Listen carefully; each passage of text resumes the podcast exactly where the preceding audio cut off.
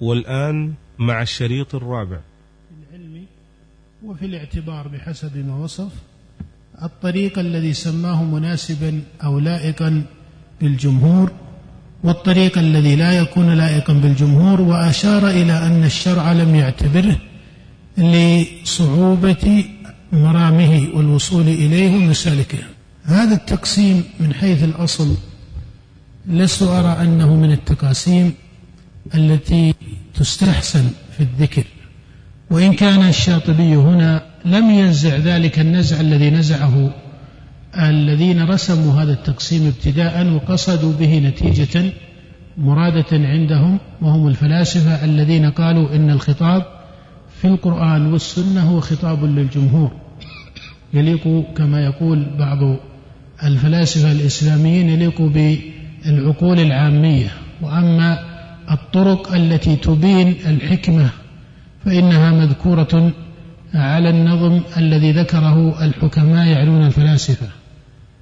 وهذا يذكره ابن سينا مثلا في كتبه بوجه عام ومن أقرب ما ذكره في الرسالة الأضحوية التي أشار فيها إلى أن خطاب الشارع في المعرفة والتصديقات أو في التطبيقات والعمل هو خطاب للجمهور. ويذكر هذا غيره من الفلاسفة حتى المقتصدة من الفلاسفة الإسلاميين كأبي الوليد بن رشد فإنه يذكر هذا فإنه يذكر أن ثمة طريقين طريق الجمهور وهو المذكور في نصوص الشارع والطريق الثاني وهو الطريق الذي عليه الحكماء وهو فاضل في نفسه ولكنه مستعص على الجمهور ومن هنا لم تذكره أو لم يذكر في خطاب الشارع لكونه مستعصيا على الجمهور ليس لإشكال فيه وليس في تأخر رتبته أيضا وليس في تأخر رتبته وإنما لهذا السبب المحض الذي هو ضعف أو نقص العقول العامية كما يعبر ابن سينا عن إدراكه. نقص العقول العامية عن إدراكه. ولهذا يرى المتفلسفة على هذه الطريقة أن كل من لم يسلك الطريق الفلسفي فإنه يكون على طريقة الجمهور حتى إنهم يصفون المتكلمين يعني علماء الكلام الذين خاضوا في علوم النظر والجدل وغيرها يصفونهم بالجمهور فيجعلون طريقتهم من ضمن طريقة الجمهور ويخصون الطريقة التي عليها البرهان بالطريقة التي عليها الفلاسفة وإن كانوا أعني هؤلاء المتفلسفة آه، بينهم خلاف في ترتيب الطرق المناسبة الصحيحة فإن لأبي الوليد بن رشد طريقا مختارا ولأبي علي بن سينا بعض المخالفة وإن كان سابقا له لكن طريقة ابن سينا تختلف عن طريقة ابن رشد وتعقب أبو الوليد بن رشد بن سينا في كثير من طرقه وخاصة فيما ينزع إليه من الطريقة التي تقوم على الإشراق وعلى النفس وأحوالها. ومقاماتها ورياضتها وهي الطريقة العرفانية التي اعتمدها ابن سينا في كثير من كلامه وفي كثير من كتبه وإشاراته.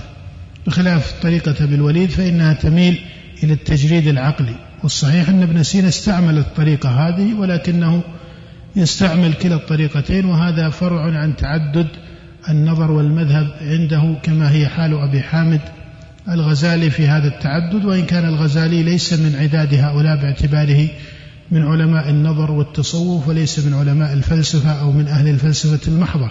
وإن كان تأثر بها كما هو مشهور وشائع بحسب ما طالع كتب الفلاسفة ورد عليهم في كتابه التهافت فإنه أصابه موافقة لبعض مقامات الفلسفة في أمر معروف وهذا ذكره عنه حتى أصحابه كابن العربي فإنه ذكر عن أبي حامد ما كان عليه من الحال في أثر الفلسفة عليه وكتب أبي حامد على كل حال أصدق من هذا كله تبين أنه قد أصابه أثر من كتب الفلاسفة آه، وهذا قد يكون له سبب ليس هذا محلا لذكره. المقصود أن أصل التقسيم بين طريقة الجمهور وبين الطريقة الثانية آه، هي في الأصل نزعة فلسفية نزعة فلسفية في التقسيم.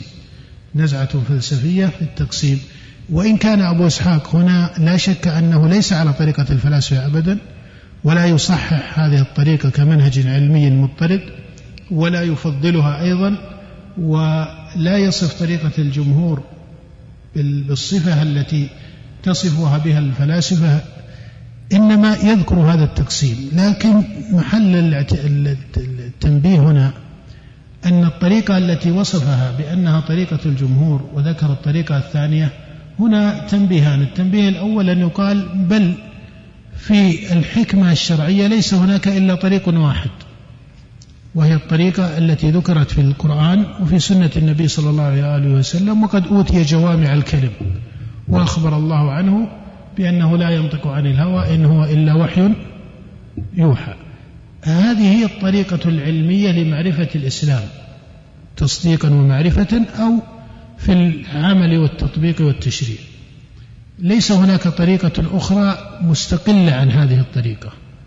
ويكون ما فرع العلماء رحمهم الله والفقهاء والمحدثون والأصوليون وأهل التفسير وغيرهم من أصحاب النظر والبحث في الشريعة ما فرعوه يكون فرعا عن هذه الطريقة التي جاءت على أتم بيان وأصدق نظام في كلام الله سبحانه وتعالى في كتابه في القرآن أو في كلام النبي عليه الصلاة والسلام الذي أوتي جوامع الكلم.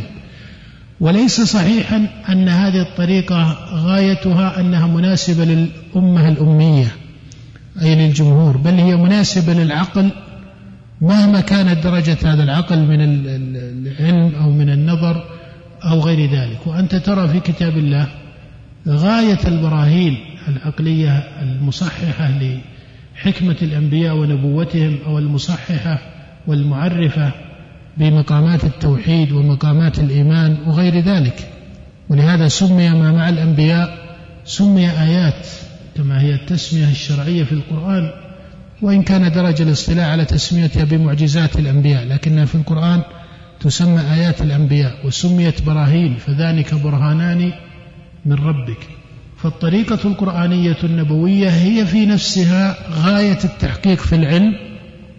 هذا هو صفتها الأولى أنها هي غاية التحقيق في العلم باعتبار العقل أو باعتبار الحقائق الشرعية الخبرية المحضة.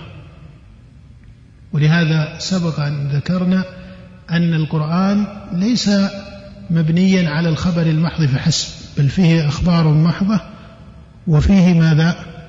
وفيه خطاب للعقلاء أجمعين وهذا هو الذي خوطب به من ليس مسلما في كتاب الله سبحانه وتعالى في مقامات من أحوال الآخرة أو أحوال الإيمان أو غير ذلك. بل حتى في مقام التشريع فإن الخطاب العقلي يكون واردا في القرآن بحسب ما يقتضيه السياق.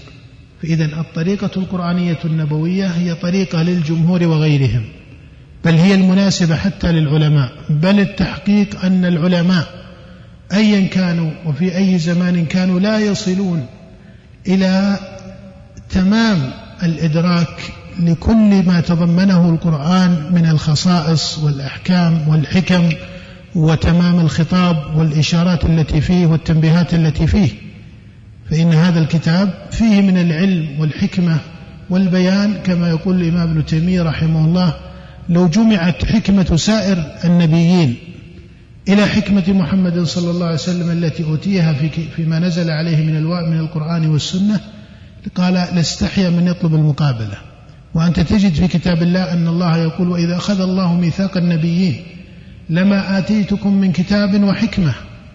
فقد أوتوا حكمة وأوتوا كتابا. وهذه الحكمة وهذا الكتاب لا يمكن أن يصل البشر مهما بلغ في الفلسفة والنظر والبحث والاطلاع والاختصاص. مهما حاول الوصول فإنه لا يستطيع الوصول إلى الوحي الذي أوتيه الأنبياء لأنه من رب العالمين سبحانه وتعالى.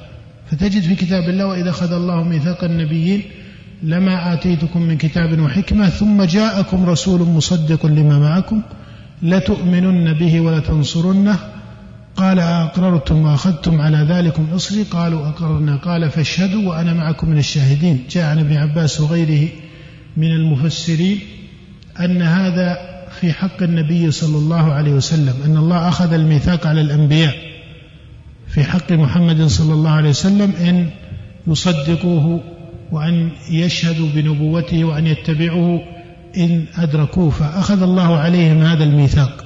ولهذا عيسى عليه الصلاة والسلام إذا نزل فإنه يأتي على شريعة محمد يعني يكون تبعا لشريعة محمد عليه الصلاة والسلام. فالقصد أن حكمة الأنبياء بوجه عام وحكمة النبي الخاتم عليه الصلاة والسلام فحكمة الأنبياء جميعا لا يمكن لبشر أن يصلوا إلى قدرها في العلم والحكمة لأنها من عند الله سبحانه وتعالى لأنها من عند الله سبحانه وتعالى. صحيح أن الفلاسفة تكلموا في كثير من المقامات الإلهية وفي كثير من المقامات الطبيعية والرياضية وغيرها وكلامهم في باب الطبيعيات وفي باب الرياضيات ونحوها من المقامات البشرية لا شك أنه خير من كلامهم في الأمور الإلهية.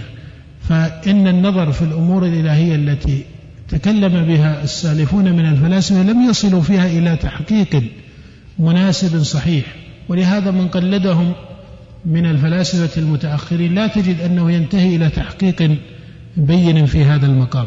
فالمقصود أن طريقة الأنبياء أجمعين وطريق والطريقة التي نزلت على نبينا عليه الصلاة والسلام في الحكمة النبوية العالية التي أوحيت أو أوحاه الله إلى نبيه وقبل ذلك في كتاب الله المنزل على نبيه هذه طريقة علمية برهانية تامة التحقيق.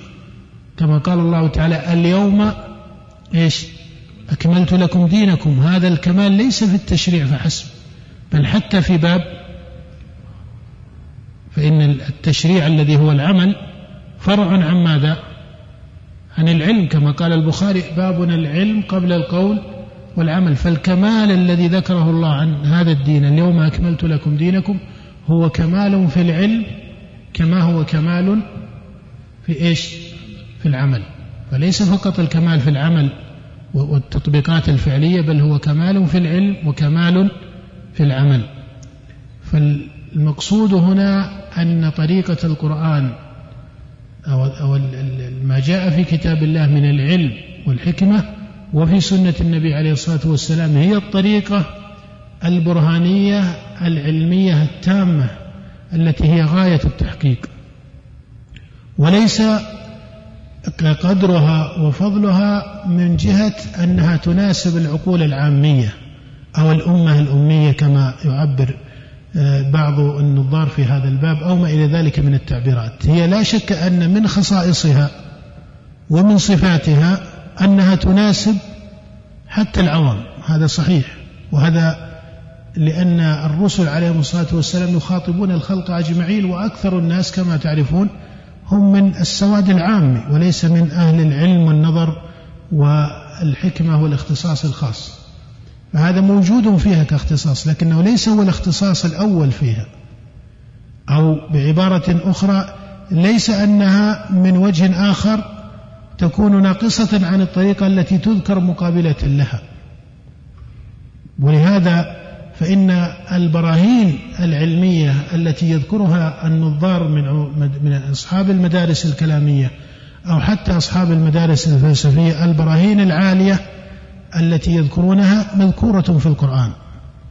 إذا صحت ما يذكرونه من البراهين الصحيحة في بعض مقامات المعرفة أو مقامات إثبات الربوبية ونحو ذلك ما يصح عندهم من البراهين فإن المحكم والمحقق منه تجد أنه يذكر في القرآن وإن كانت اللغة من حيث التصنيف اللفظي تكون مختلفة فيذكرون مثلا دليل التركيب وإن كان ليس المقصود التمثيل به كدليل مناسب لكن أقصد العبارات التي تستخدم في هذه الأدلة كلفظ التركيب أو التخصيص ثم يأتون إلى مقدمة الأعراض والجواهر وما إلى ذلك. فالاختلاف في الأدلة الصحيحة لأن هناك بعض الأدلة ليست صحيحة. حتى في مقام النظر وعلم الكلام والفلسفة ليست صحيحة. حتى النظار أنفسهم يتكلمون عن نقصها أو عن تأخر رتبتها أو ما إلى ذلك. ولكن ما يوجد عندهم من أدلة محكمة فإن معناه يوجد في القرآن على أتم نظام. فالقرآن خطاب للعلماء كما أنه خطاب للعامة بل هو خطاب لأئمة العلماء. ونزل على أئمة العلماء وهم أصحاب النبي صلى الله عليه وسلم باعتبار هذه الأمة فإنهم أئمة العلماء فيها وهم ورثة الأنبياء أن ورثة هذا النبي كما أن أصحاب الأنبياء من قبلهم هم ورثة الأنبياء. وقبل ذلك أن القرآن خوطب به الرسول عليه الصلاة والسلام وهو إمام آه، الأنبياء وإمام المرسلين عليه الصلاة والسلام. فهذا الوهم ينبغي لطالب العلم أن يكون مدركا له وإن كنت أذكره على هذا الوجه من العموم وليس لأن أبا إسحاق التزم به ولكن هذا التقسيم من حيث هو ليس بفاضل ابتداء. هو موجود نعم موجود في كتب المتفلسفة بالدرجة الأولى وتأثر به بعض علماء الكلام والنظر وأدخلوه في كلامهم وقالوا إن ثمة طريقا للجمهور. وهو خطاب القرآن وثمة الطريق البرهاني أو الفلسفي أو الذي عليه الحكماء أو ما إلى ذلك من التعبيرات التي ليس تحتها حقيقة منتظمة عند البحث والتحقيق. صحيح أنه يوجد فيها هذه المقامات من علم النظر ونحوه توجد بعض الموافقات المناسبة في الأدلة. كما أشرت سابقا فتكون هذه من الأدلة الصحيحة التي يدركها العقل بحكم الفطرة وبحكم نظام العقل الصحيح فيكون عارفا ببعض الأدلة التي يذكرونها ولكن أن الطريقة النظرية أو الفلسفية مختصة عن الطريقة القرآنية بامتياز علمي في نفسها لكنها لم تذكر في القرآن والسنة لكونها صعبة الوصول أو صعبة المرام باعتبار الجمهور والعامة هذا ليس صحيحا. القرآن خطاب للجمهور وخطاب للعامة وليس في الشريعة من حيث الأصل كما تعرفون تقسيم للمكلفين بهذا التقسيم الذي يقصد كطريقة في المخاطبة. بل الله سبحانه وتعالى يخاطب العلماء ويخاطب العوام بخطاب واحد والقرآن كما قال ابن عباس في الأثر المروي عنه وهو من حيث المعنى آه، متحقق الصحة أن تفسير القرآن على أربعة أوجه. تفسير تعرفه العرب من كلامها فهذا حتى العوام يعرفونه. فإن العوام إذا قرئ عليهم يا أيها الذين آمنوا كتب عليكم الصيام. يدركون أن الله كما كتب على الذين من قبلكم يدركون أن الصوم مكتوب على المؤمنين كما كتب على المؤمنين السالفين من أتباع الأنبياء. وتفسير لا يعرفه إلا العلماء أو يعرفه الراسخون في العلم كما في الأثر عن ابن عباس. وهذا بعض المعاني العلمية التفصيلية التي قد نعبر عنها بالمصطلح الذي ترتب فيما بعد. بفقه الفقه التفصيلي لهذه النصوص يعرفه الراسخون في العلم.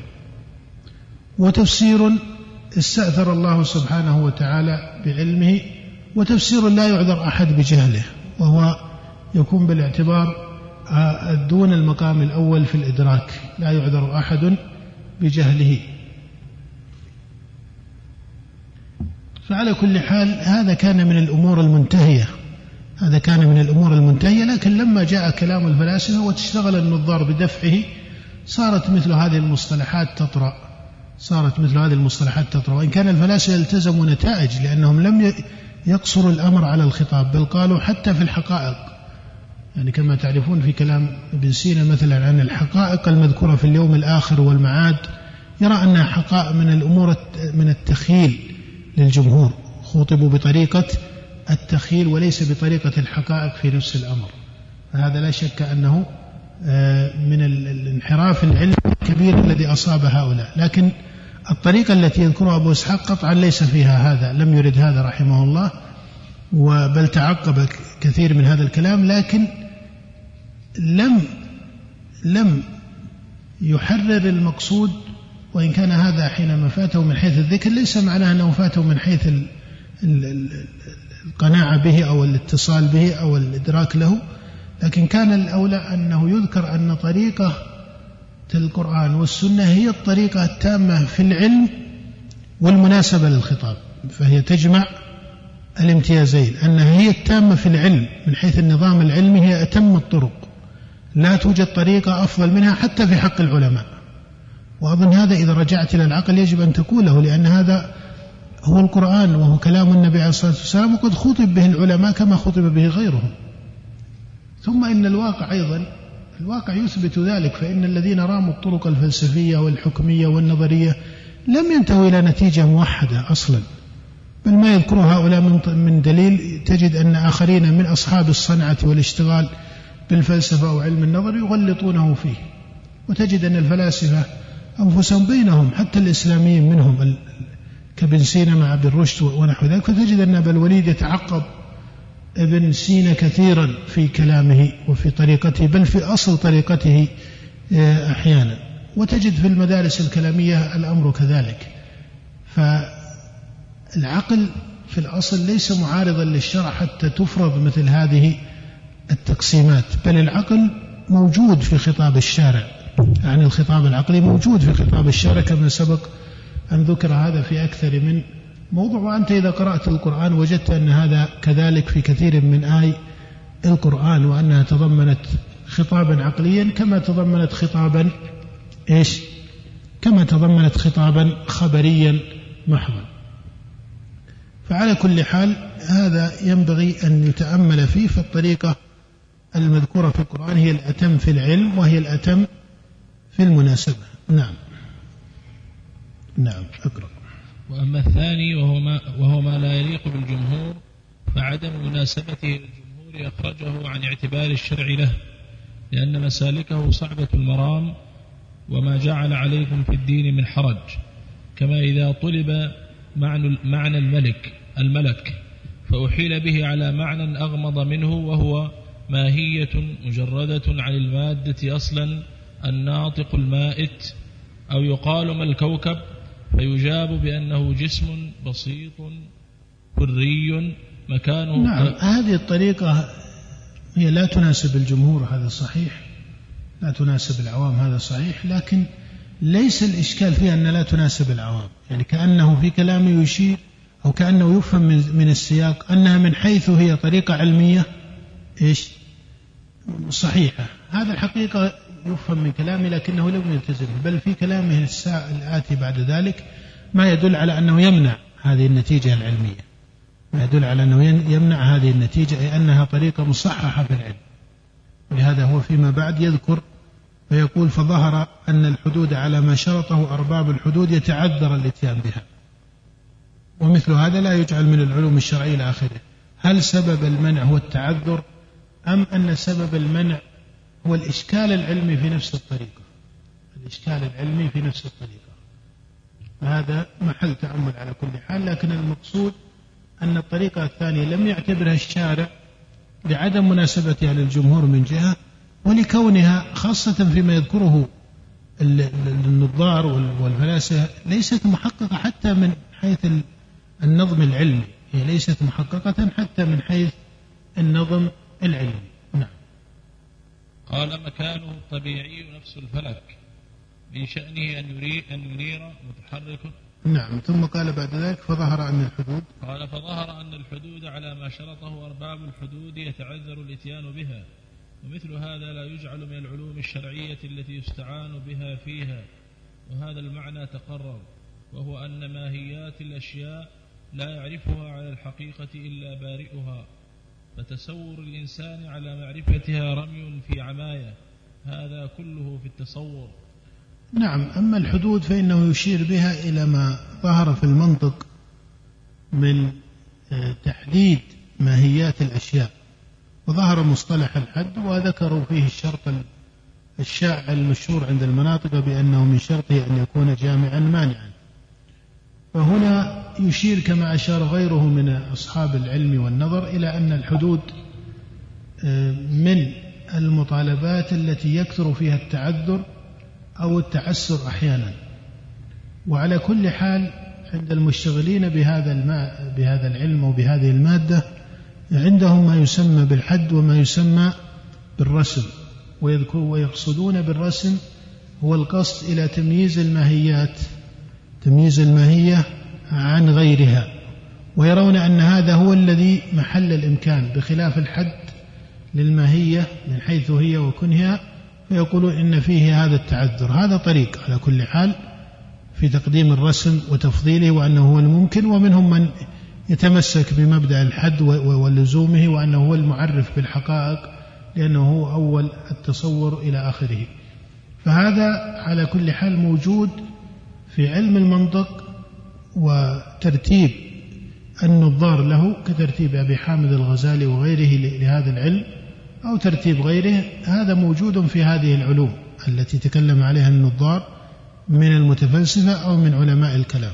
الكلام في الحد والكلام في الرسم وأن الرسم أمكن من حيث التحقق من الحد. بخلاف الحد فإنه يدخل عليه كثير من التعذر إلى آخره. فهنا أبو إسحاق الشاطبي يقول فظهر أن الحدود على ما شرطه أرباب الحدود يتعذر الاتيان بها ومثل هذا لا يجعل من العلوم الشرعية التي يستعان بها فيها. سبق أن أشير إلى أن هذه العلوم التي تكلم عليها النظار إما في وخاصة في باب التراتيب العلمية وليس في باب النتائج لأنه في النتائج فأعتقد أن النتائج ليست بحاجة إلى هذا العلم ابتداء لأنها معروفة من دلائل الشارع في كتاب الله أو سنة النبي عليه الصلاة والسلام لكن من حيث التراتيب العلمية أو ترتيب بعض المقدمات العلمية أو الوصول إلى بعض مقامات النظر والاجتهاد ونحو ذلك يقع في هذا الباب شيء من الإفراط في قبولها وتعظيمها أو شيء من التفريط في إسقاط مقام كل ما تكلم عنه آه، أصحاب النظر والقياس حتى من علماء الأصول وما إلى ذلك. فتجد أن هذا الباب لا بد فيه من ضبط ولا بد فيه من اعتدال لأنه تكلم فيه في مقام أصول الدين وهذا آه، له حكم من حيث النتيجة وتكلم فيه في مقام ترتيب مسائل أصول الفقه وهذا له حكم يختلف عن الحكم السابق. فعندك حقائق منتهية من حيث أن دلائل أصول الدين وأحكام أصول الدين أو نتائج هذه الدلائل موجودة في الكتاب والسنة هذا أمر من الأمور المفروغ منها أو المقررة عند العلماء رحمهم الله. ولكن فيما يتعلق بمادة هذا العلم من كل جهة وأثرها في ترتيب بعض الأدلة أو في تحصيل بعض الأوجه من القياس أو الاجتهاد أو ما إلى ذلك هل ليست مناسبة على كل تقدير؟ حتى في أبواب أصول الفقه وغيرها هذا يحتاج إلى نوع من التفصيل والترتيب لأن قدرا من هذا في باب المقدمات والتراتيب هو من باب الاصطلاح والتنظيم وليس من باب النتائج التي تكون مستقلة عن حكم الشارع حتى في باب العمل. نعم. قالوا أما التصديق فالذي يليق منه بالجمهور ما كانت مقدمات الدليل فيه ضرورية أو قريبة من الضرورية حسب ما يتبين في آخر هذا الكتاب بحول الله وقوته.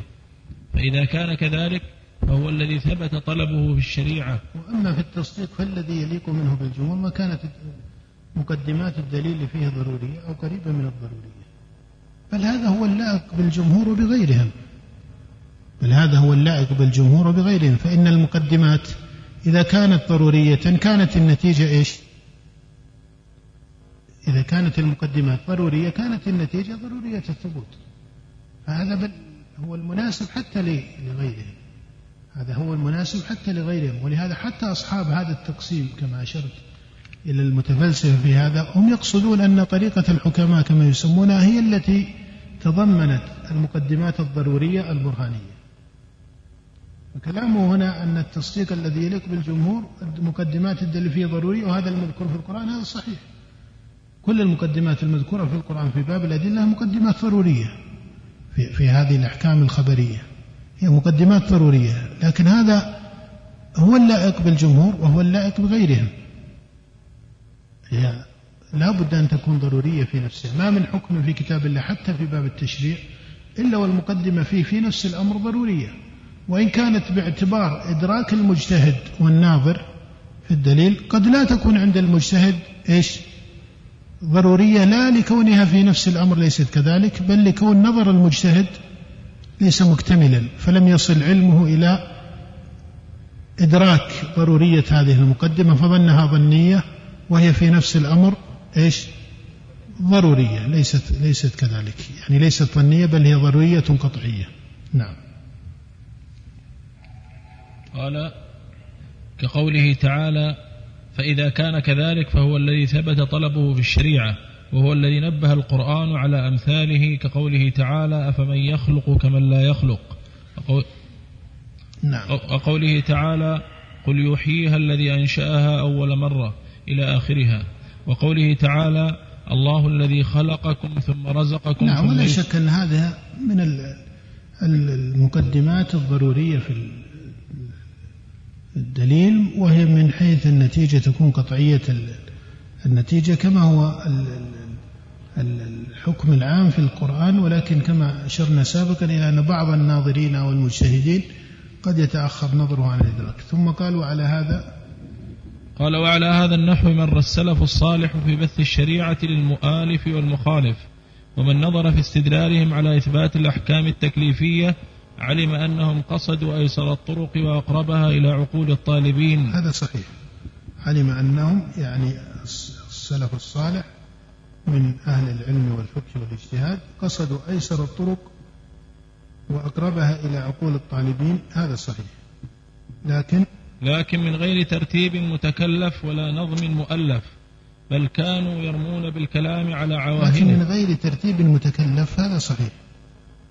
ولا نظم مؤلف النظم المؤلف موجود حتى في خطاب الشارع فيه نظم بمعنى فيه ترتيب وائتلاف. والله سبحانه وتعالى يصف القرآن في مواضع الله نزل أحسن الحديث كتابا متشابه فالتأليف ليس في ذاته مذموما. التأليف في ذاته التأليف ليس في ذاته مذموما ليس كحكم التكلف فإن التكلف ينفى عن القرآن وعن طريقة القرآن. ولكنه أراد عن أبا إسحاق ولا نظم مؤلف أي أنهم لم ينظموه على الطريقة التي يستعملها المتأخرون. أن السلف الصالح كما يشير رحمه الله لم ينظموا أحكام التكليف على الطريقة التي تكلم عليها المتأخرون. هذا صحيح. أنك إذا رجعت إلى الصحابة مثلا أو إلى التابعين أو إلى متقدم الأئمة لم تجد عندهم التراتيب حتى في أحكام التشريع من حيث الوصول إلى الحكم ولا يقولون إن هذا من دلالة المنطوق وهذا من دلالة المفهوم وهذا من مفهوم اللقب وهذا من مفهوم الصفة ومفهوم اللقب ينقسم إلى والمفهوم ينقسم إلى كذا من الأقسام. لا تجد أن هذه المصطلحات وهذه وهذا خاص وهذا عام والعام يقدم هذا كتنظيم ليس مستعملا عندهم. كتنظيم لفظي لكنه كحقيقة علمية. موجود أو ليس موجودا؟ موجود لأن هذا جزء في الأصل ترى هذا جزء من مكتسب اللسان. ولهذا تجد أن الناظرين في علم أصول الفقه وهذا ذكرناه في أول مجلس يقولون علم أصول الفقه يركب من ركنين. ماذا؟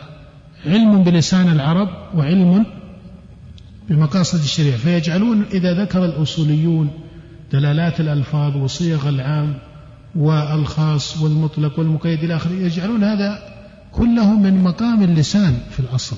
يجعلون هذا كله من مقام اللسان. فالحقيقة العلمية موجودة عند الصحابة والسلف, والسلف الصالح. والسلف الصالح لكن الترتيب اللفظي صحيح أنه استعمله المتأخرون نعم. بل كانوا يرمون بالكلام على عواهنه ولا يبالون كيف وقع في ترتيبه لا وليس كذلك ليس كذلك لا يبالون كيف وقع في ترتيبه أصلا طبيعة اللسان طبيعة اللغات كل اللغات البشرية فيها ترتيب لأن اللغة يتحكم في تقديرها العقل البشري لماذا؟ لأن الإنسان إنما يتكلم بما أراده عقله أليس كذلك؟ ولهذا إذا كان الإنسان فاقدا لعقله يتكلم بما لا يريد. كالنائم مثلا الذي ربما هذا بكلام ليس مريدا له. فالكلام من حيث هو لسان أو لغة للبشر لا بد أن يكون في قدر من الترتيب والتنظيم. مقصود في الكلام والإشارة فيه مقصودة. ولهذا حتى النحاة لما عرفوا المصطلح النحوي تجد أن المصطلحات النحوية فيها إشارة إلى هذه الإرادات العقلية لما يقولون هذا يعرب حال أو الحال ما هو؟ مثلا فتجد يقولون التمييز ما هو؟ هو هناك تناسب بين التمييز من من حيث هو مصطلح نحوي وبين معناه الذي يقع في سياق الكلمات أو في سياق الجمل عفوا في سياق الجمل. ولهذا بالفعل أنهم ما سموا الفاعل مفعولا والمفعول فاعلا. حينما يقولون قام زيد قالوا زيد إيش؟ فعل. هذا ليس مجرد اصطلاح عابث أو لا معنى له لا لأنه بالفعل هو الذي فعل ماذا؟ القيام. ولما قالوا ضرب زيد عمرا لما يقول إن عمرا يقع مفعولا به لأنه بالفعل هو الذي وقع عليه الضرب. كيف؟ لا هذا مسألة أخرى. هل المنطق أثر في نظم النحو أو لا؟ هذا موضوع آخر. هذا موضوع آخر. على كل حال المقصود أنهم لا يبالون لا هم لا يبالون بمعنى لا يتكلفون هذا صحيح. لكن ذات اللغة وذات اللسان بطبيعتها تنظم الكلام. ذات اللغة وذات الكلام بطبيعتها تنظم الكلام. فالسالفون من السلف الصالح ما كانوا محتاجين لهذا أصلا لأن اللسان عندهم قويم. لأن اللسان عندهم قويم في التعبير والنطق. فإذا تكلموا بالكلام فإن المراد من هذا الكلام بين وفصيح. فما كانوا بحاجة إلى أن يعرفوا ما هو العام وما هو الخاص. لكن لما دخلت العجمة وبأسباب يعني تاريخية معروفة ليس كل هذه الأسباب سيئا بعضها أسباب يعني من حيث هي أسباب لها أثر عادي يعني أكثر من كونها حسنة وسيئة هي أسباب عادية. يعني انتشار الفتوحات الإسلامية اتساع من دخل في أو كثرة الداخلين في الإسلام اختلاف الأمم الداخلة في الإسلام باعتبار لسانها حصلت الحاجة إلى التعريف بصيغ العام والخاص والمطلق والمقيد والمنطوق والمفهوم إلى آخره كترتيب علمي. فترك السالفين له هو حقيقة ليس من باب الترك ليس من باب الترك بمعنى الترك الذي يتبادر للذهن أنهم رأوا هذا الشيء ولكنهم ماذا؟ أعرضوا عنه. لا هو ما قام السبب. ما قام السبب أصلا في زمنهم. وإلا لو كان الترك مقصودا لذاته لتضمن ترك المعنى. أليس كذلك؟ لكن المعنى ليس مقصودا. بل المعنى موجود عندهم. المعنى عندهم موجود. يعرفون العام والخاص ويقدمون المنطوق على المفهوم في فقههم يعني فقه الصحابة وما إلى ذلك. لكن ما كانوا محتاجين له لأن اللسان قوي ليس أكثر من هذا. اللسان عندهم قوي وهم فقهاء في مقاصد الشريعة فانتهى علم أصول الفقه. ألسنا نقول الآن أن علم أصول الفقه علم باللسان وعلم بمقاصد الشريعة. فهم من حيث اللسان عرب مدركون للسان من حيث مقاصد الشريعة هم فقهاء في القرآن والسنة فهم عارفون بمقاصد الشريعة فما احتاجوا لنظم علم يسمونه علم ماذا؟ علم أصول الفقه لما تأخر الأول الذي هو العلم بلسان العرب بدخول العجمة ولما تأخر الثاني بضعف الفقه أليس كذلك؟ قام قام السبب هنا لإيش؟ لنظم علم أصول الفقه ليضبط ما يحتاج إلى ضبطه من علم اللسان والمقاصد ولهذا تجد أن بداية الإمام الشافعي بالكتابة في هذا العلم تناسب هذا المعنى تناسب هذا المعنى الذي أشير إليه. نعم. قال ولا يبالون كيف وقع في ترتيبه إذا كان قريب المأخذ سهل الملتمس. ولهذا إذا قيل أي الطريقتين أفضل الطريقة التي كان عليها السلف الصالح من الصحابة والمتقدمين بعدم الدخول في هذه التراتيب التي بعضها فيه تكلف. نعم بعضها فيه تكلف هذا صحيح. قد يكون هذا التكلف آه، مما ينهى عنه مثل ما ذكر أبو إسحاق في بعض المقدمات أنه يكون عارية على هذا العلم دخوله فيه عارية وقد يكون هذا التكلف جزء من الضعف البشري الذي لا يستطيع أن يصل إلى مثل هذا الجمع إلا بمثل هذه التكلفات. إذا قيل أي الطريقتين أتم هذا السؤال لا أظنه من الأسئلة الواردة أصلا لأنه لا أحد يجادل بأن الطريقة الأولى إيش؟ أتم. هذا ما في جدل هذا. يعني ليست قضية تنبغي أن يقال هذه الطريقة التي ويلام المتأخرون على طريقتهم لماذا لم يكونوا كالمتقدمين.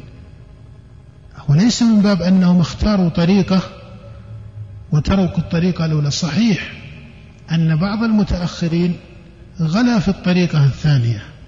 غلا في الطريقة الثانية. فوت بعض الممكن من الطريقة الأولى لأن الطريقة الأولى أيضا بالمقابل ليس صحيحا أنها في كل مواردها انغلقت على المتأخرين. ولهذا مثلا حينما نقول إن أصول الفقه هو العلم باللسان والمقاصد وسبب تأليف علم أصول الفقه كعلم منتظم هل هو فساد العلم باللسان؟ هناك كما تعرفون في بعض الكلمات التي يستعملها بعض الباحثين أو بعض طلبة العلم بأن اللسان فسد اللسان. وأنا أرى أنه لا ينبغي أن يعبر عن اللسان العربي بأنه فسد في مرحلة من مراحل التاريخ. بل اللسان لا يزال موجودا كلسان يتكلم به لكن دخلته إيش؟ العجمة واللحن لكن التعبير بالفساد إلا إذا كان المعبر لا يقصد أو عفوا لا يحكم الكلمات كما هي في اللغة والحكم العلمي. هي لم اللغة لم تصل إلى حد الفساد لأن هذه في الأصل اللغات لا تفسد. اللغات تستمر من حيث البقاء لكن يدخلها الضعف يدخلها اللحن يدخلها العجمة المخالفة لها إلى آخره وهذا الذي دخل على هذه اللغة صحيح. وأصبحوا لا يحتجون بكلام الشعراء وغيرهم من بعد كذا من التاريخ الهجري كما هو معروف. هذا أمر لا إشكال فيه. والفصاحة ذهبت ذهبت الفصاحة نعم. لكن فرق بين أن تقول ذهبت الفصاحة أو تقول دخلت العجمة أو تقول ضعف اللسان أو كثر اللحن أو فشل اللحن هذه كلها تعبيرات إيش؟ ممكنة. هذه كلها تعبيرات ممكنة. لكن أن نقول فسد اللسان العربي لا ما فسد اللسان العربي. هو, هو لغة القرآن. والله سبحانه وتعالى كما تكفل بحفظ القرآن فإن هذا اللسان لا بد أن يكون باقيا حتى يفهم هذا الحق وهذا القرآن. والآن والناس في القرن الرابع عشر من هجرة النبي عليه الصلاة والسلام والعجمة اليوم تجتاح المسلمين أكثر من وقت مضى أو اللحن يفشو أكثر من وقت مضى بحسب بأسباب كثيرة لا تخفى عليكم. ومع ذلك الآن القرآن إذا قرئ على العوام فضلا عن طلبة العلم وأهل العلم جمهور ما في كتاب الله سبحانه وتعالى من المعنى العام يدركه العوام من المسلمين الآن العارفين أو المتكلمين باللسان العربي. يعني إذا سمعوا قول الله سبحانه وتعالى بسم الله الرحمن الرحيم الحمد لله رب العالمين يدركون معنى الحمد. ومعنى الرحمن ومعنى الرحيم. يا أيها الذين آمنوا كتب عليكم الصيام. يدركون معنى الإيمان حسب ما تعلموه وعرفوه في الشريعة. الكلمات في نفسها إيش؟ كلمات فيها ظهور فيها ظهور.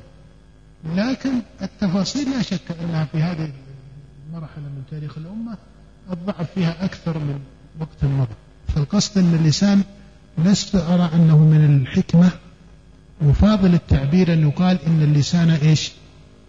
فسد التعبير بالفساد كلمة متينة في يعني الذم أو في الحكم أيضا.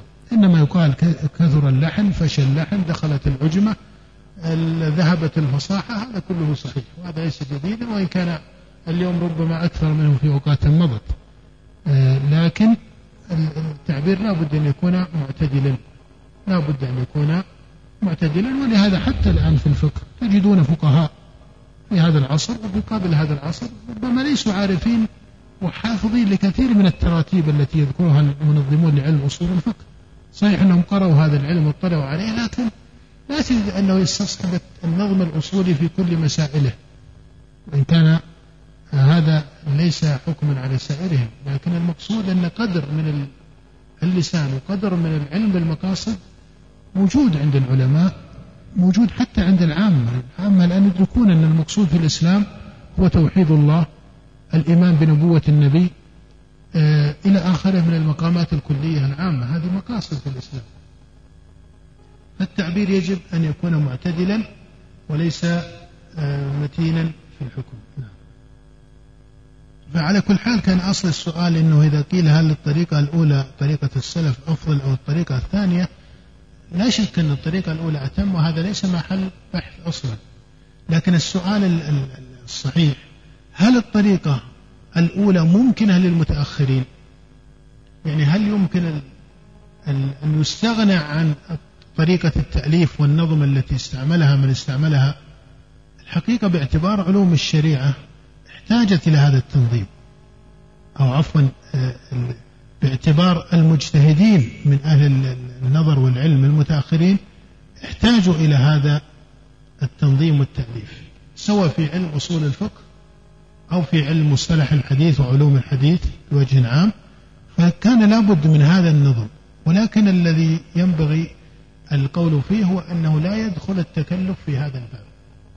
وإن كنت وإن كنت ترى في علوم الحديث مثلا وعلوم أصول الفقه واضح أن التكلف في باب أصول الفقه أكثر منه في باب علوم الحديث. هذا موجود هذا صحيح. يعني في علوم الحديث من النادر أن تجد بعض المباحث التي تقول أن هذه تكلف في هذا العلم وما إلى ذلك. لكن في باب أصول الفقه تجد بعض المباحث وبعض المسائل مثل ما يشير الشاطبي هنا وأشار غيره إلى ذلك. لكن ليس معنى هذا أن كل علم أصول الفقه هو نوع من التكلف ونوع من الطريقة المخالفة لطريقة السالفين. لا هي كنظم لم توجد عندهم. مثل ما لم يكن عندهم علم النحو كعلم منظم بمصطلحات لكنهم كانوا فصحاء. ما احتاجوا إلى علم النحو لكونهم فصحاء. فكذلك ما احتاجوا إلى نظم علم يسمى بعلم أصول الفقه لهذا السبب. هذا أيضا لا يعني أن طالب العلم يستمسك بدرجة غالية من التقليد بالطريقة الثانية ويظن أن الطريقة الأولى طريقة أصبحت من ماذا؟ من عداد التاريخ السابق هذا موجود أيضا عند بعض من يغلو في الالتزام بالطريقة التي عليها المتأخرون وكأن طريقة المتقدمين أصبحت ماذا؟ من التاريخ السالف الذي ليس لا هو ترى يعني إذا اعتبرت الحقائق تصنيف مسألة أن هذه طريقة وهذه طريقة يحتاج إلى قدر من الضبط والتصور المناسب حينما يقال طريقة المتقدمين في باب الفقه ومعرفة الأحكام التفصيلية وطريقة المتأخرين. بمعنى أنه عند التحقيق تجد أن ثمة قدرا من الاتصال بين طريقة المتقدمين وبين طريقة المتأخرين. بمعنى آخر أن المحقق من المتأخرين هو الذي يكون عنده تأليف واتصال بين الطريقة الأولى وبين الطريقة الثانية. ولهذا تجد الآن في المتأخرين كابن تيمية مثلا أو كأبي محمد بن حزم في كثير من موارد كلامه أو كأبي عمر بن عبد البر أو كابن رجب أو غيرهم وهذا موجود في أصحاب المذاهب الأربعة بالاستثناء يعني يوجد أعيان من المحققين وهم من المتأخرين. تجد أن بعض استدلالاتهم على المسائل من جنس استدلالات المتقدمين. أليس كذلك؟ لا يتكلفون في ترتيب بعض التراتيب المتأخرة. وتجد بعضا من استدلالاتهم على الطريقة ماذا؟ يستعملون فيها اللغة التي اعتادها المتأخرون في التأليف. وربما كان الأمر لا يتجاوز أحيانا الترتيب واللغة واللفظ. فهنا كما أنه يقال لا ينبغي التق... ال... ال... الاستهانة بعلم أصول الفقه وأنه طارئ والسلف لم يشتغلوا به لا. هذا فيه تكلف كما سبق. نعم في يوجد في بعض كتب من كتب في هذا العلم بعض التكلف في بعض المسائل أو شيء من هذا. هذا موجود بل دخلت مسائل من مسائل أصول الدين عليه ورتب عليها لوازم إلى آخره. هذه أمور معروفة. ولكن بالمقابل لا ينبغي الغلو في الطريقة التي عليها المتأخرون لأن الأصل في أوائل المقدمات العلمية لطالب العلم أن يكون معنيا بتحقيق الاتباع لكتاب الله وسنة نبيه صلى الله عليه وسلم يعني العناية بفقه الدليل وأن فقه الدليل ليس صحيحا أنه مرحلة انتهت مع من؟ مع الطبقة الأولى من صدر هذه الأمة. بل لا تزال الأمة إلى آخر أمرها وخاصة أهل العلم فيها مخاطبون بإيش؟ باتباع الدليل من كتاب الله وسنة نبيه صلى الله عليه وسلم. وتكون الحكمة هنا والتحقيق أن يستعمل الفقيه والمجتهد المتأخر هذه التراتيب العلمية سواء في كتب أصول الفقه أو في كتب الفقهاء أو المذاهب أو أصول المذاهب الأربعة والفرق بينها يستعمل ذلك كمنهج يوصله إلى تحقيق إيش؟ إلى تحقيق العلم بالدليل. هذا هو المنهج الصحيح أنها تكون وسيلة لتحقيق العلم بالدليل وليس أنها تقود إلى التعصب لقول عالم سابق عن الحق الذي في كلام النبي صلى الله عليه وسلم أو في ظاهر من كتاب الله سبحانه وتعالى. فالاعتدال في اعتبار تقديم الدليل هذا واجب. بل هذا كما تعرفون يخاطب به المسلم من حيث هو مسلم قبل أن يكون عالما. أنه يجب عليه أن يتبع الكتاب والسنة وأن ينبذ التقليد بمعناه الذي نهى عنه الأئمة رحمهم الله الذي هو التعصب لغير النبي صلى الله عليه وسلم. هذا مخالف للشرع كما هو مخالف لكمال الإنسان البشري ولفطرته ولعقله وتمامه. نعم. قال وأما إذا كان الطريق مرتبا على قياسات مركبة أو غير مركبة إلا أن في إيصالها إلى المطلوب بعض التوقف للعقل فليس هذا الطريق بشرعي نعم لعله أراد بعض التوقف في العقل أي التردد في العقل فهذا ليس هذا فليس هذا الطريق بشرعي هذا يكون مناسبا. إذا كان هذا الطريق من حيث هو فيه بعض التوقف. إذا كان الطريق من حيث هو فيه بعض التوقف فيكون ليس شرعيا. أما إذا كان التوقف يعود إلى ذات الناظر فهذا أمر يعرض للناظر في الدليل الصحيح أو في غيره. نعم. قال ولا تجده في القرآن ولا في السنة ولا في كلام السلف الصالح. نعم. فإن ذلك متلفة للعقل ومحارة له قبل بلوغ المقصود وهو بخلاف وضع التعليم. نعم المقدمة السابعة. المقدمة السابعة كل علم ش... كل علم شرعي فطلب الشارع له إنما يكون حيث هو وسيلة إلى التعبد به لله تعالى لا من جهة أخرى. فإن ظهر فيه اعتبار جهة أخرى فبالتبع والقصد والقصد فبالتبع والقصد الثاني لا بالقصد الأول. والدليل على ذلك أمور. نعم. هو من حيث القاعدة الشرعية في أن العلم المحمود هو العلم الذي يوجب عملا هذا صحيح. ولكن التعبير بأن العلم الذي طلبه الشارع أو العلم الشرعي وسيلة إلى العمل التعبير بكلمة وسيلة فيما أرى ليس ضروريا لأن العلم الشرعي لأن العلم الشرعي من حيث هو إيش؟ مقصود لذاته. العلم الشرعي علم الأنبياء من حيث هو مقصود لذاته.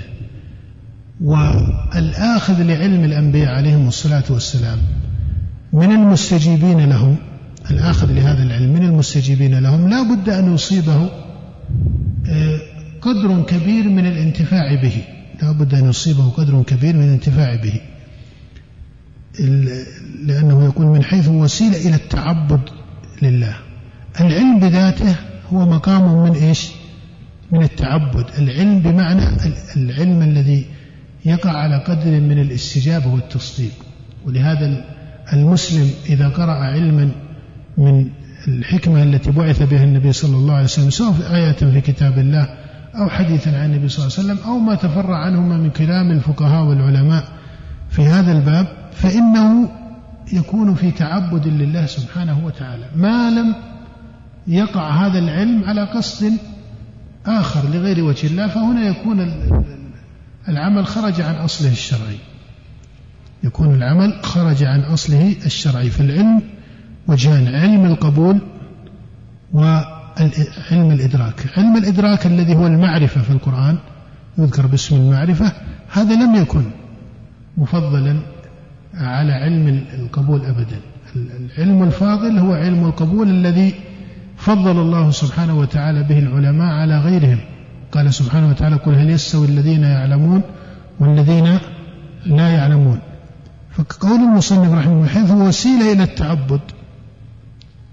كأن العلم هنا يكون منفكا عن تحقيق التعبد. هل المقصود بالتعبد العمل؟ أم المقصود بالتعبد التعبد بمعناه الواسع. لأن التعبد هنا ممكن تقول هو الإيمان. أليس كذلك؟ الإيمان كما تعرفون عند السلف قول وعمل والقول قول القلب كما هو قول اللسان والعمل عمل القلب وعمل الجوارح. فإذا كان كذلك فقول القلب الذي هو التصديق هذا يتحصل بالعلم. فالكلام هنا يحتاج إلى شيء من الفقه. لا نقول أن هذا السياق غلط ولكن نقول يحتاج إلى شيء من الفقه للمقصود بالتعبد والمقصود بكلمة الوسيلة. العلم الشرعي إذا وقع من المستجيب يعني من المسلم فهو فاضل بذاته. فإن قيل وإن لم يوجب تعبدا قيل هو بذاته. من طلب العلم فهو ماذا؟ فهو يتعبد لله بهذا العلم. لأن قصد الإخلاص ليس فيه تكلف. عند السلف رحمهم الله. حتى الإمام أحمد لما قال العلم لا يعدله شيء لمن صحت نيته. قيل وكيف تصح النية يا أبا عبد الله؟ قال أن ينوي رفع الجهل عن نفسه.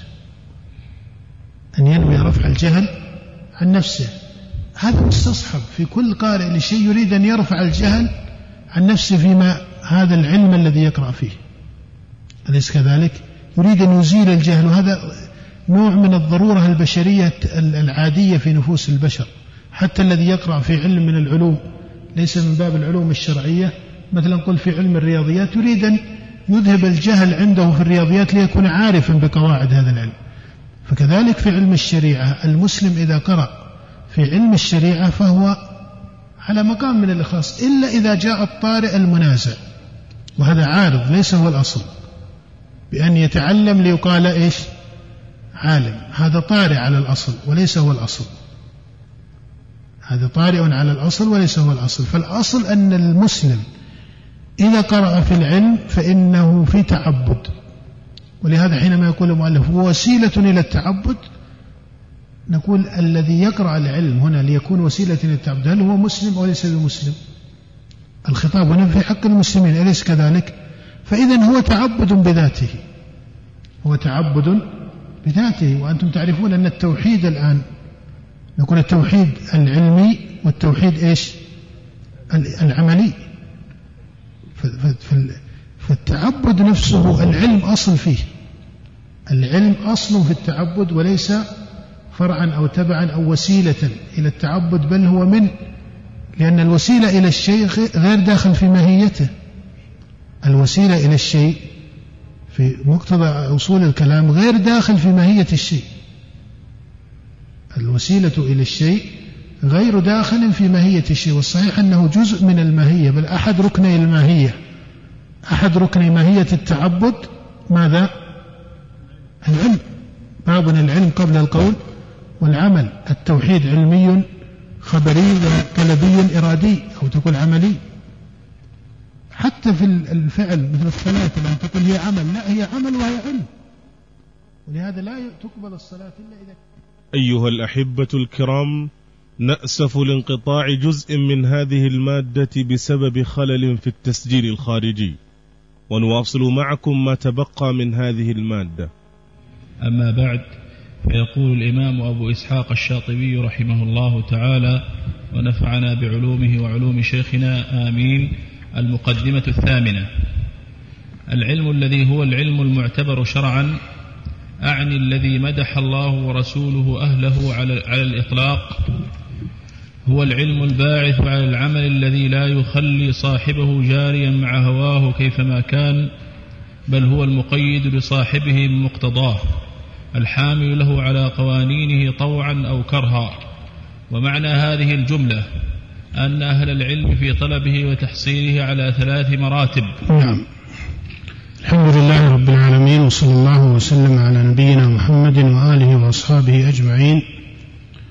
وهذا أيها الإخوة هو المجلس الخامس من مجالس التعليق على مقدمات كتاب الموافقات لأبي إسحاق الشاطبي رحمه الله وينعقد في الشهر السابع من سنة ثمان وعشرين وأربعمائة وألف بمكة المكرمة.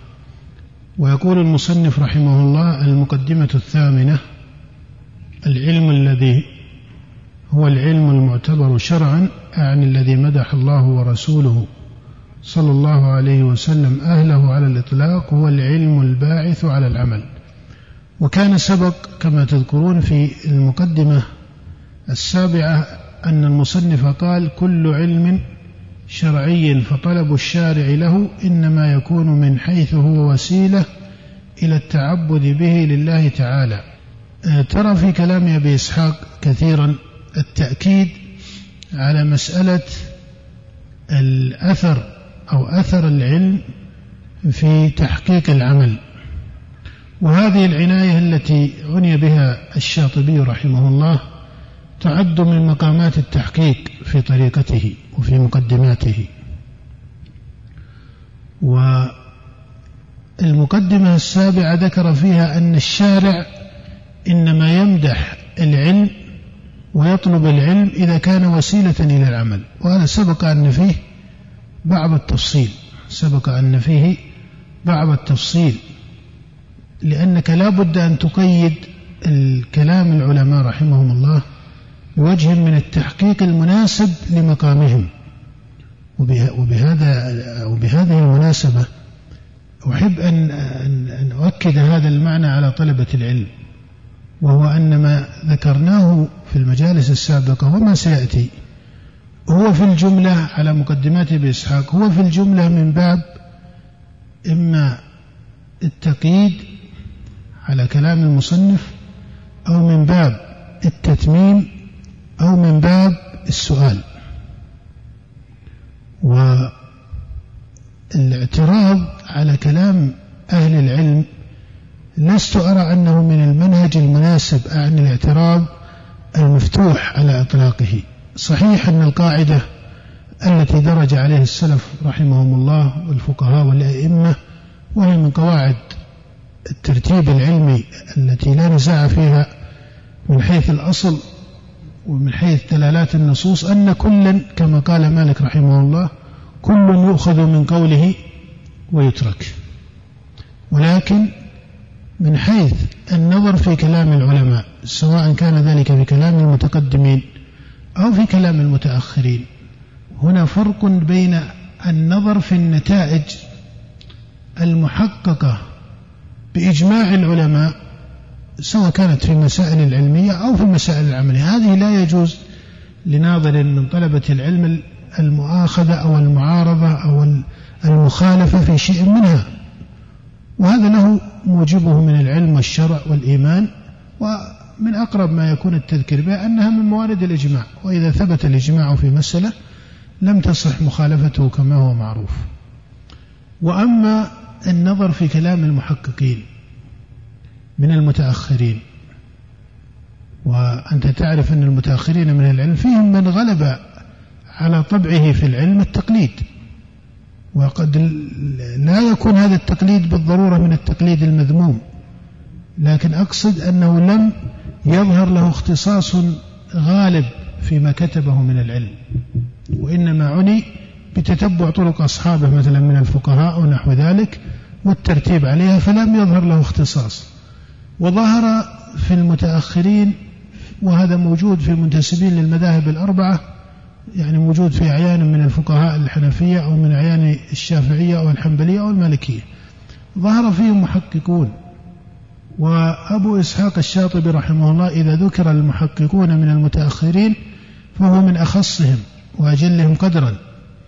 وذلك باعتبار ما كتبه في مسائل الفقه أعني فقه المقاصد وما كتبه في مسائل الفقه باب الاعتصام وفي غير ذلك مما آه، أخذ عنه ولكن أخص ما وصل من التنبيهات العلمية عنده في هذا الكتاب وهذا الكتاب. على كل حال طالب العلم هنا والباحث في كلام العلماء ينبغي أن يعرف منهجا معتدلا ينافي الطريقة التي اعتادها بعض الناظرين في العلم أو بعض طلبة العلم من أنه إذا قلد عالما في منهجه أو في كتابه أو ما إلى ذلك تجد أنه يطبق على سائر ما يقول. أو بعكس ذلك إذا دخلت عليه مخالفة لهذا العالم في كتابه هذا أو غيره فتجد أنه يهون من شأن هذا الكتاب أو من شأن هذا المؤلف أو من شأن هذا العالم لماذا لمخالفات أو لأخطاء في نظره أو قد تكون محققة؟ يعني هذه الأخطاء دخلت على هذا العالم أو على هذا الفقيه. هذا المنهج ليس معتدلا. بمعنى أن المحققين من المتأخرين خاصة وإنما نقول من المتأخرين لأن المتقدمين انضبط تحقيقهم بضبط مسائل الإجماع في المسائل العلمية والعملية وهذا قدر كما سبق لا تجوز مخالفته. إذا ثبت الإجماع لا تجوز مخالفته هذا أمر علمي معروف المتأخرون منهم من غلب عليه التحقيق في عامة الأبواب ومنهم من يكون محققا في أبواب من العلم وليس كذلك في بعض الأبواب. انظروا مثلا إلى كلام أبي محمد بن حزم فإن أبا محمد بن حزم رحمه الله فيما أرى يعد من كبار العلماء المحققين. وطالب العلم بعدما يستبصر ويحكم القواعد العلمية لا ينبغي له أن يستغني عن كثير مما أشاد أو أشار إليه ابن حزم من التنبيهات العلمية في المسائل. فله تنبيهات سواء كان ذلك في كتابه المحلى في الفروع أو في ما كتبه في مسائل الأصول في كتاب الأحكام أو في ما كتبه في العقائد والملل والنحل ودفع الشبهات عن مسائل الأصول وما إلى ذلك في الفصل أو في غيرها. فهو عالم محقق. وإن كان يعلم أيضا أن أبا محمد رحمه الله تكلم في بعض الأبواب من من المسائل الأصول في مسائل أصول الدين أو في بعض الأبواب من مسائل الفقه أو في مسائل أصول الفقه. وقد صنف في هذه الأبواب كما تعرفون كتبا مشهورة شائعة. فيما كتبه أو في أبواب مما قاله في هذه الكتب أو في هذه المعاني من العلم كمعاني كلية ما يؤخذ عليه عند عامة أهل العلم ليس باعتبار نظر شخص عارض الآن وإنما تجد أن ما ذكره مخالف لكثير منها بل ربما يصرح ابن حزم رحمه الله بأن قوله هذا على خلاف ما يعرفه الناس ويعرفه الفقهاء أحيانا. ثم ينتصر لقوله ويغلط مسلك الفقهاء أو عامة الفقهاء أو عامة الناظرين في هذه المسألة. فالنتيجة من هذا المثال عن التمثيل بذكر أبي محمد بن حزم أنه ليس من شرط العالم المحقق في المتأخرين أن يكون محققا في إيش؟ في جميع الأبواب بحيث أن طالب العلم ينظر في كتبه نظر المقلد والمتبع له في كل ما يقول. هذا هو الوهم. الآن البعض يريد أن ينظر إلى كتاب مثلا الموافقات على قدر من التسليم المطلق بكل إشارة ذكرها أبو إسحاق وكل معنى وكل دلالة يريدها في كلامه. هذا المنهج من أصله ترى ليس منهجا علميا صحيحا. ينبغي لطالب العلم أن يعرف ما هو الكلام من كلام العلماء الذي يجب الاستمساك به ولا تجوز مخالفته. لا لكونه كلاما من هذا العالم بعينه. بل لكون هذا المعنى من المعاني إيش؟ المستقرة عند أهل العلم وإن كان بعض الأعيان أحسن النظم والترتيب والتعيين لها والتقرير لها. فعليه ما ذكره أبو إسحاق في كتاب الموافقات. أنا أقول هنا فيما أرى أن هذا الكتاب يعد من أخص وأجود المصنفات في هذا المقام بخاصة أي في مقام فقه المقاصد. لا شك أن كتاب الموافقات يعد نظرية علمية متينة بين أن صاحبها ومؤلفها العلامة المحقق أبو إسحاق قد كد ذهنه وجهده ومحاولته واجتهاده في ترتيبها ونظمها. لكن مقتضى التحقيق العلمي ما هو؟ التتميم لهذا العلم الذي كتبه ولهذه المقدمة ولهذه النظرية التي لا نقول إنه اخترعها ولكنه نظمها. ولخصها من كلام كثير وأنت تجد أن بعض المحققين لهذا الكتاب استقرأوا استقراء بعض المصادر التي اعتمد عليها مع أنه يجزم أن كثيرا مما فيها هو من باب الاستقراء العام المحصل بقراءات عامة أكثر من كونه منقولا من كتب معينة. فهنا نقول إن ثمة أعيانا في المتأخرين وهم كثير فيما أرى محققون في كلمات وأبواب. بل تجد أن الكتاب الواحد من كتبهم فيه مواد غاية في التحقيق ولربما فيه مواد غاية في الغلط. غاية في الغلط لكونها خالفت أصلا محكما أو خالفت إجماعا أو خالفت نصا صريحا. وليس بالضرورة هنا أن أن الواحد أو الواحد العارض من طلبة العلم اليوم هو الذي يحكم على أن هذا غلط محض. لا. إذا أردت أن تحكم على كلام لمثل هؤلاء بأنه غلط محض فتحتاج إلى مقدمات أطول. تحتاج إلى أن تتأكد أنك إنما حكمت بأن هذا غلط محض لكونه إيش؟ مخالفا لمستقر بين في كلام العلماء الآخرين أو في النصوص أو نحو ذلك. وأما إذا كان غلطا في نظرك فحسب فلا تصف هذا بالغلط المحض وإنما يحق لك أن تخرج عن هذا الاجتهاد المعين لكن لا تصف قول القائل بماذا؟ بالتغليط المحض وتقطع بمخالفته وتقطع بتغليطه فيه لأنك لا تقطع في تغليط كلام المجتهد إلا إذا كان مخالفا لمنضبط من العلم عند السابقين من العلماء. وإذا نظرت الآن مثلا في كتاب إحياء علوم الدين كمثال وأنا أرى أن أبا حامد الغزالي يعد من هؤلاء. هو عالم كبير ومن النساك كما تعرفون. وكتب في كثير من الموارد كتب في الفقه وكتب في أصول الفقه كتابا يعد من أمهات ما كتب في أصول الفقه وكتاب المستصفى. وكتب في مسائل أصول الدين وكتب في التصوف والسلوك وكتب في علوم كثيرة كما هو معروف. ورد على الفلاسفة وكتب في مقاصدهم. فأبو, مح... فأبو حامد الغزالي يغلو فيه قوم باعتبار إلى درجة التقليد والغلو في شأنه في سائر ما كتبه وفي سائر ما قاله. وتجد أن آخرين ربما أسقطوا مقامه في أكثر ما كتبه وفي عامة ما كتبه مع أنه يعد من المحققين في أبواب ولكن عنده مقامات خالفت في بعض موادها إما إجماعا أو حديثا صريحا أو ربما احتج بحديث ظنه من الأحاديث الثابتة وهو حديث لا يصح ربما كان موضوعا.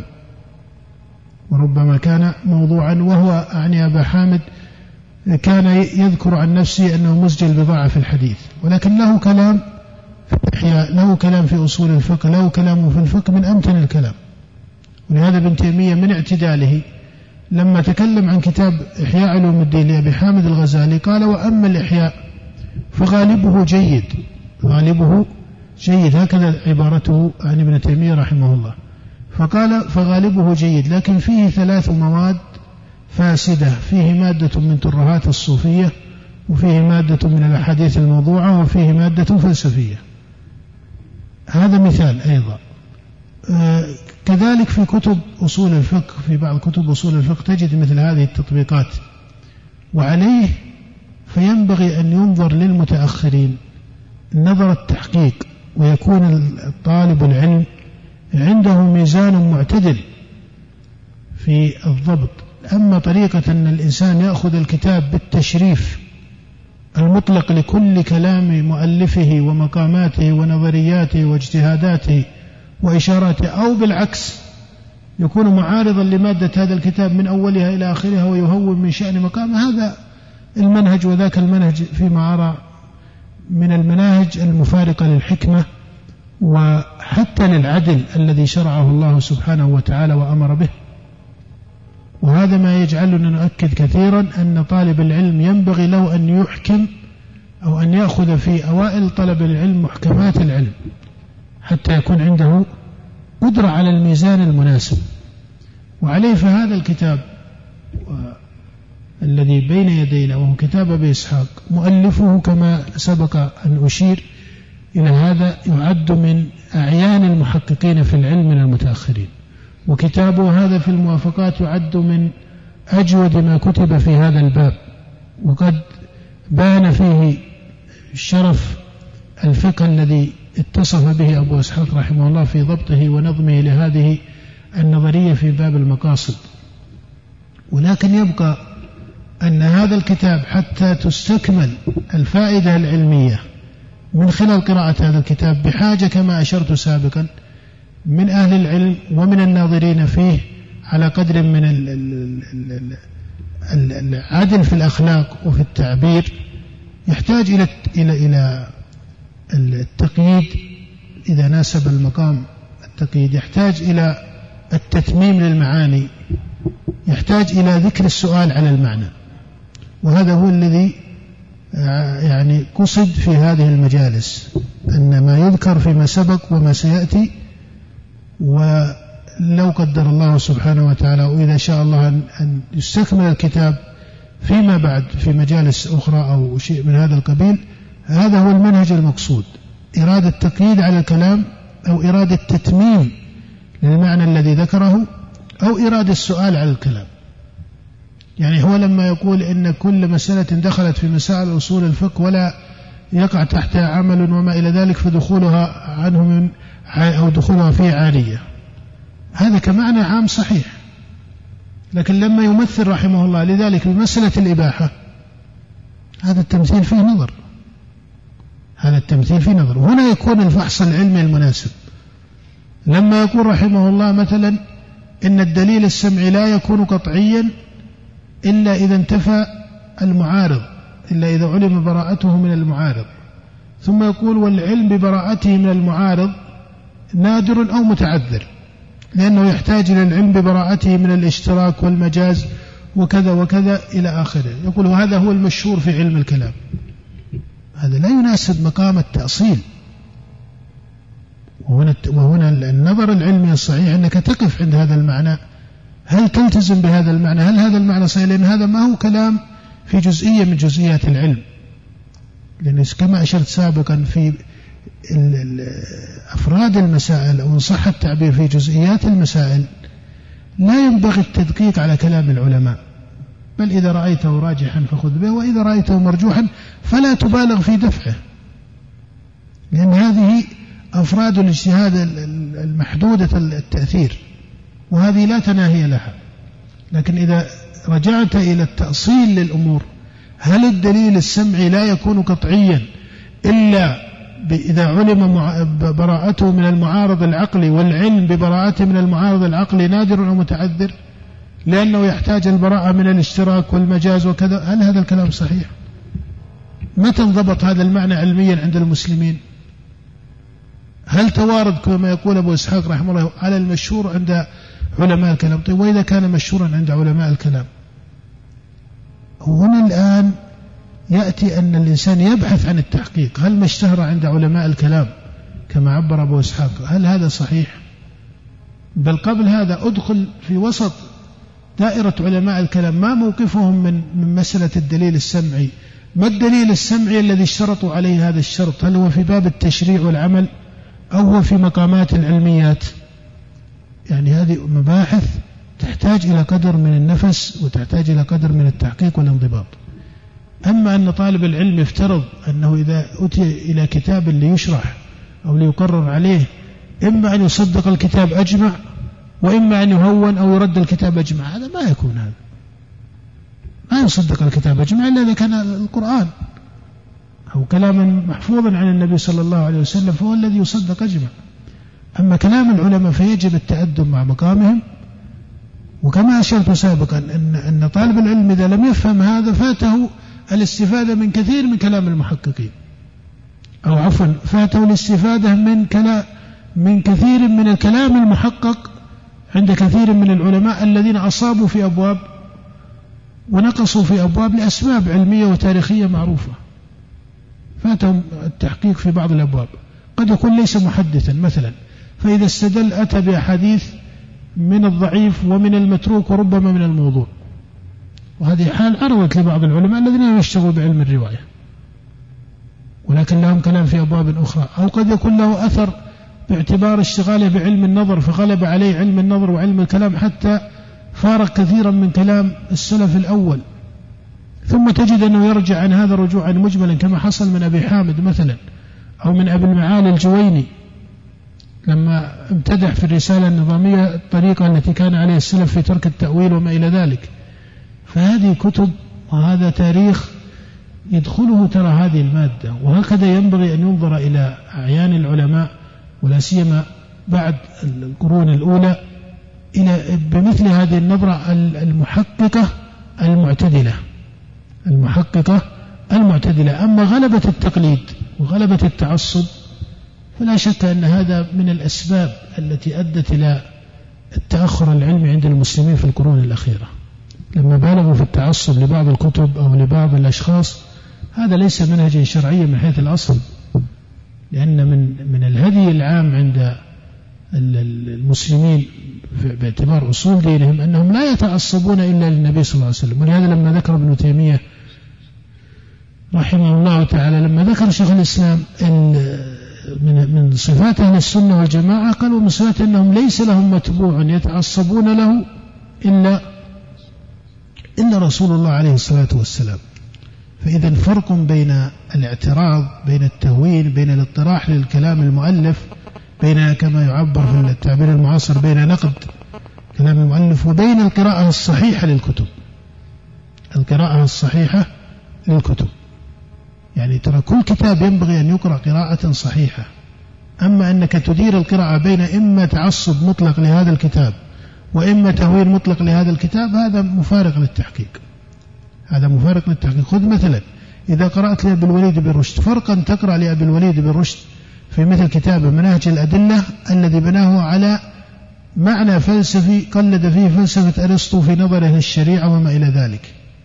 أو نظر يعني كلام أبي الوليد بن رشد طريقة القرآن وأنها طريقة للجمهور وأن الطريقة التي عليها الحكماء هي الفاضلة باعتبار ذاتها وإن كانت ليست طريقة مناسبة في الخطاب وما إلى هذه التقارير التي وثناءه على الحكماء في آه، كتابه هذا وبين أن تقرأ لأبي الوليد بن رشد في كتابه بداية المجتهد وهو يتكلم عن مسائل الفروع الفقه فلا شك أن ما يذكره هنا لا ينبغي أن يعد إلى ما يذكره هنا.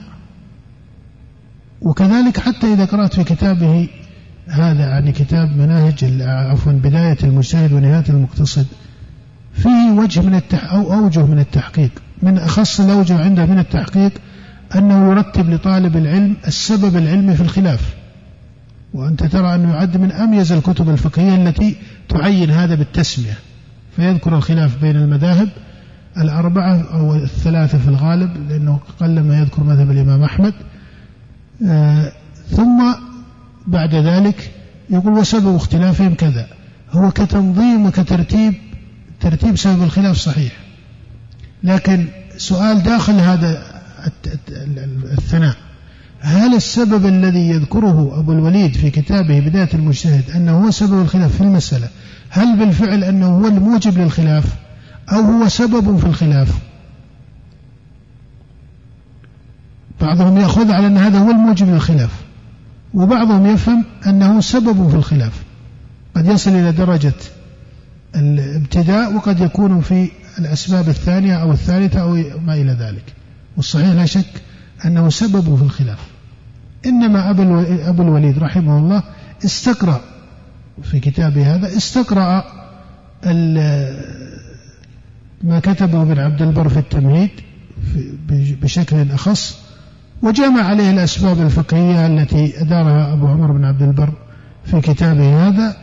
ورتب على هذا أن هذه أسباب الخلاف عند الفقهاء في هذه المسائل.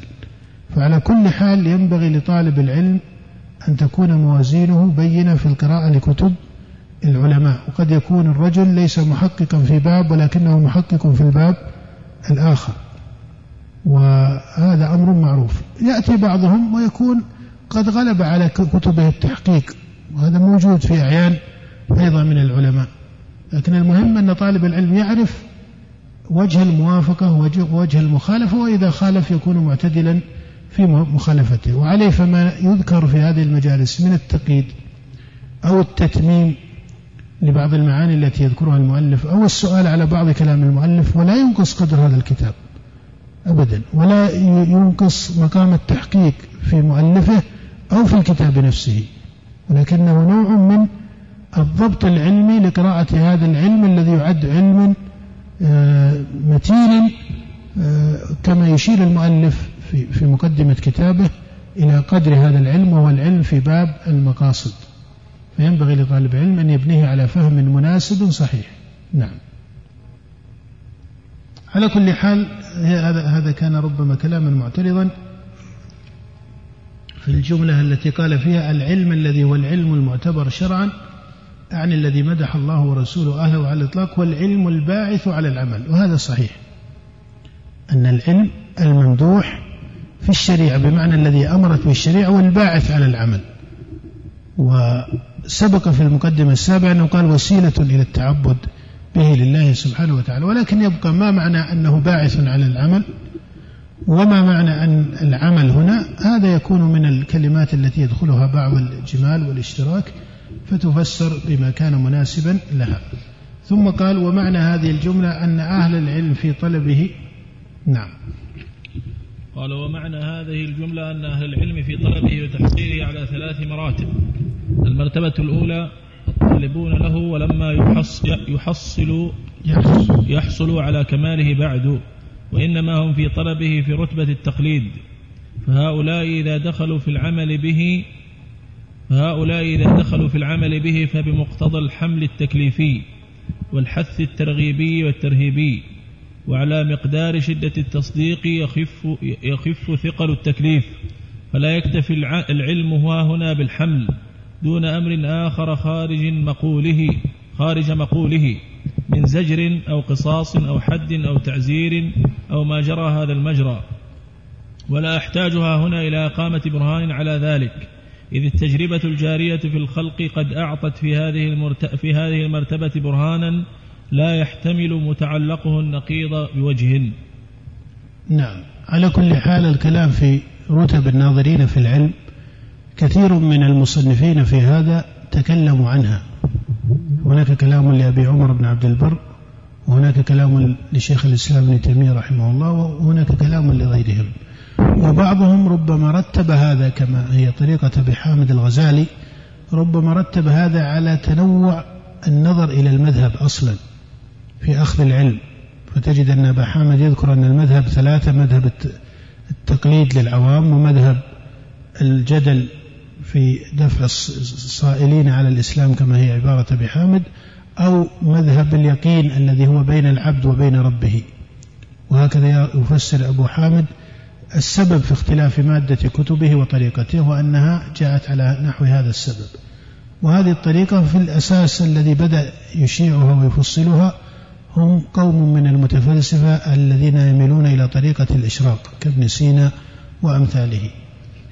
فعلى كل حال المراتب الثلاثة التي يذكرها المؤلف المرتبة الأولى الطالبون له ولما يحصلوا على كماله بعد. وكأنه يشير إلى المقلدة الذين يأخذون الفروع والنتائج التي يقررها أصحاب مذهب معين دون أن يتتبعوا الدليل في هذا. فيرى أن هؤلاء من أهل العلم في الجملة ولكنهم على رتبة التقليد فيه وهم الآخذون بنتائج قوم من أصحابهم أو بنتائج مذهب من المذاهب دون الأخذ بأوجه هذا المذهب من حيث الدليل أو بموجب هذه النتائج من حيث الدليل. فهذه أدنى الرتب في كلامه وهي لا شك موجودة على مدار التاريخ. نعم. قال والمرتبة الثانية الواقفون منه على براهينه ارتفاعا عن حضيض عن حضيض عن حضيض التقليد المجرد. نعم. إذا هذه المرتبة الثانية. المرتبة الأولى الطالبون له على وجه من التقليد وهذه كما سبق هي موجودة في التاريخ بل موجودة على مدار التاريخ منذ أن تأسس منذ أن تأسس الفصل بين المجتهد وبين المقلد. وإلا أنت إذا نظرت في زمن الصحابة رضي الله تعالى عنهم لا تجد هذا الانفصال أصلا وتجد أن الواحد من الصحابة يجتهد في مسائل وربما رجع إلى غيره في مسائل وربما كان الاجتهاد هنا مركبا من أكثر من نظر وهلم جرا. لكن فيما بعد أصبح هناك انفصال بين رتبة التقليد وبين رتبة الاجتهاد. وصار يقال هذا مجتهد وهذا مقلد مع أنه هناك شك كثير وتردد كثير في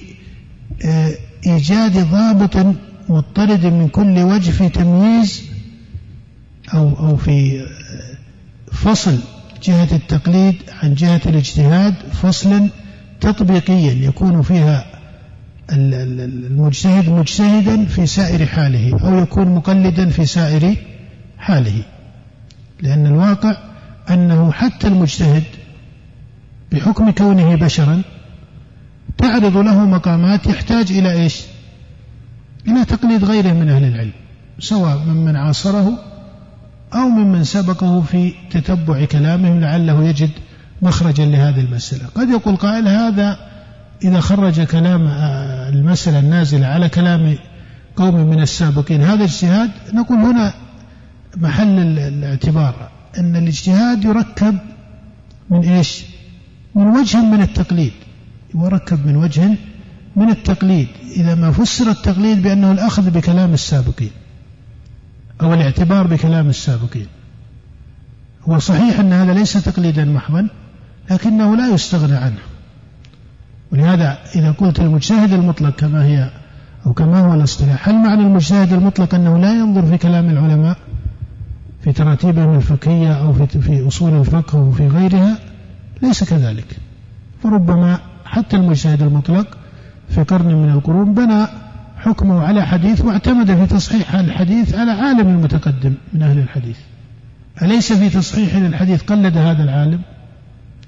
إذا لا ينبغي لطالب العلم أن أن يعني يفتعل فواصل العلمية دون أن يكون مدركا لضبطها من حيث الماهية. صحيح أن ثمة اجتهادا وثمة تقليدا هذا لا إشكال فيه. لكن هو السؤال أين محل الاجتهاد؟ وأين محل التقليد؟ هذا سؤال. السؤال الثاني هل التقليد والاجتهاد العلاقة بينهما علاقة تضاد؟ كما هو الذي يتبادر أحيانا أنه إذا وجد الاجتهاد في المسألة يعني إذا إذا دخل التقليد في المسألة المسألة بوجه كان هذا معارضا للاجتهاد.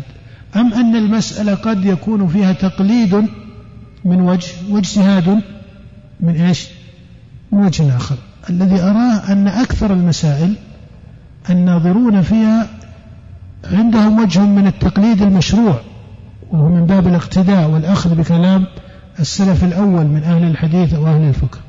وعندهم اجتهاد. أما أن المسألة تكون بريئة من التقليد بمعنى الاعتبار بكلام العلماء السابقين فهذا ليس كذلك.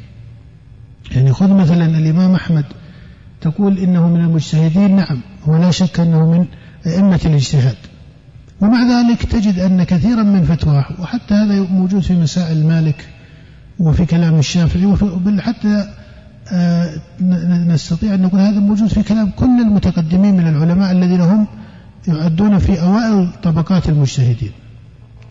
ومع ذلك تجد أن أحمد رحمه الله أو مالكا إذا في جواباتهم ربما بنى جوابه في المسألة على كلام عن فقهاء أهل المدينة كما هي طريقة مالك. وقال أدركنا فقهاءنا يقولون ذلك. حينما يقول مالك أدركنا فقهاءنا يقولون ذلك. هذا تقليد قد يقول قال لا هذا ليس تقليد. ممكن تقول هذا ليس تقليد لكن هذا رجعت إلى الاصطلاح. رجعت إلى إيش؟ الاصطلاح. قد يقول قائل لا التقليد المذموم. نحن نقول هذا من مالك ليس مذموما. هذا من مالك ليس مذموما لأنه تحتاج إلى دليل في ذم التقليد في سائر أوجهه.